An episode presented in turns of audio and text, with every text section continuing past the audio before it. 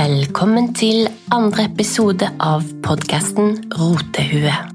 Jeg heter Fiona, og jeg går selv gjennom en slags opprensning av livet mitt, eller kall det midtlivskrise. Så her skal det ryddes.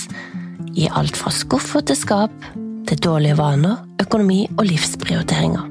Og det er viktig å vite at alt rotet du har, det har ikke oppstått på én dag. Så derfor så vil det ta litt tid å rydde opp. Vi tar ett steg av gangen, og vi går veien sammen.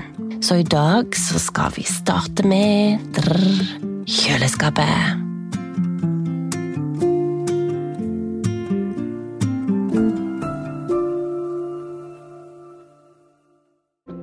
Det fine med å begynne med kjøleskapet er at det er et lite område. Og det er også et lukka område, så selv om resten av kjøkkenet flyter fremdeles, så kan du holde ryddig der. Kjøleskapet er også et område som blir brukt hver dag, og du får mye glede av å rydde den lille plassen. Og det kan faktisk spare deg for penger og gi deg lysten til å spise bedre.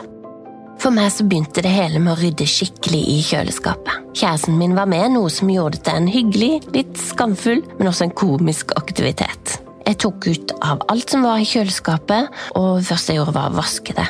Og tro meg, det var på tide.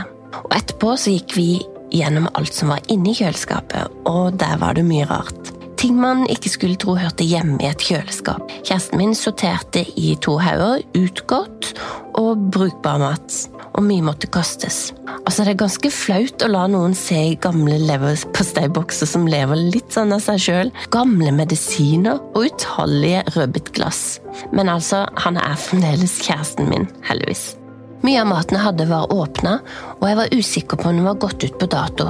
Resultatet var at jeg bare lot den stå, og det hopa seg opp, som jeg sa i første episode, fire glass med rødbeter. Så når jeg var i butikken og skulle handle, så var jeg ikke sikker på om det de rødbetene hadde hjemme, da tydeligvis, var eh, gått ut på dato eller var brukbare, så da bare kjøpte jeg et nytt glass. Ikke veldig økonomisk. Det å få plass i kjøleskapet igjen gjorde det mye enklere for meg. Jeg hadde bestemt meg, som man ofte gjør med nytt år, å gå ned i vekt i januar, og også bruke mindre penger.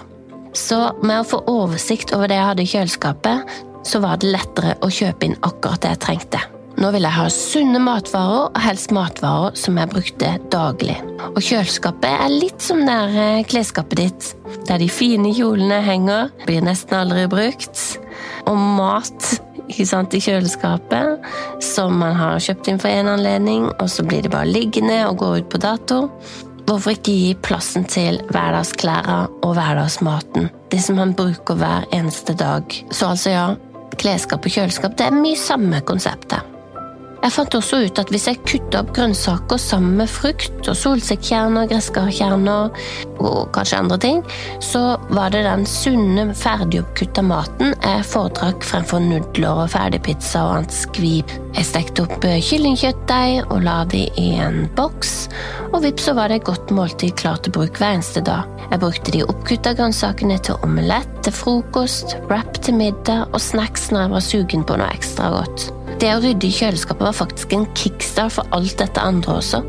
Også denne podkasten. Og jeg har alltid likt å lage mat, men å rydde etter meg sjøl på kjøkkenet, det hater jeg. Det er det verste. Jeg kan rydde etter meg i stua, men kjøkkenet er Nei, eh, jeg vet ikke. Det er vanskelig, så det flyter ofte der. Jeg lager mat med hele meg. Men nå som jeg har kjøleskapet relativt ryddig, så gir det meg faktisk litt lyst til å holde benken på kjøkkenet også ryddig. Så i dag så foreslår jeg at du titter i kjøleskapet ditt. Ta rett og slett og rensk det. Ta alt ut, finn et bord, sett alt der, og gå gjennom det du har. Og hvis du er som meg, så finner du kanskje rare ting som gamle medisiner, batterier, neglelakk og andre ting som av en eller annen merkelig grunn har funnet ut er lurt å ha i kjøleskap så gå igjennom det, og kanskje finn andre igjen til disse tingene dine. Ta gjerne og hør på den episoden som heter 25 ting du bare kan kaste. Og Har du bilder og lapper og andre ting på kjøleskapsdøra, ta og rydd opp i det også.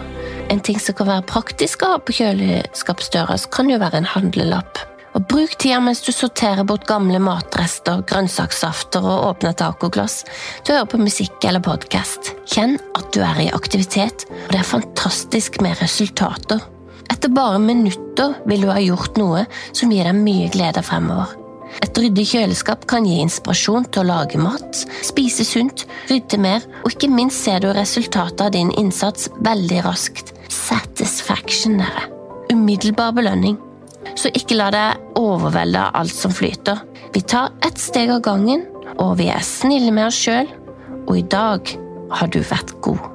Vi høres neste uke, og vi tar for oss flere skap og skuffer med skam og gjemte gjenstander og rot som vi kan rydde opp i.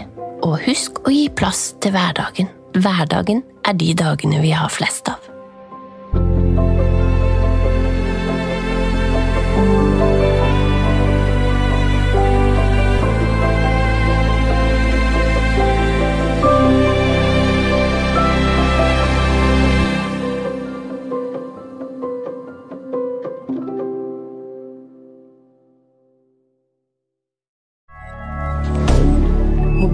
regarder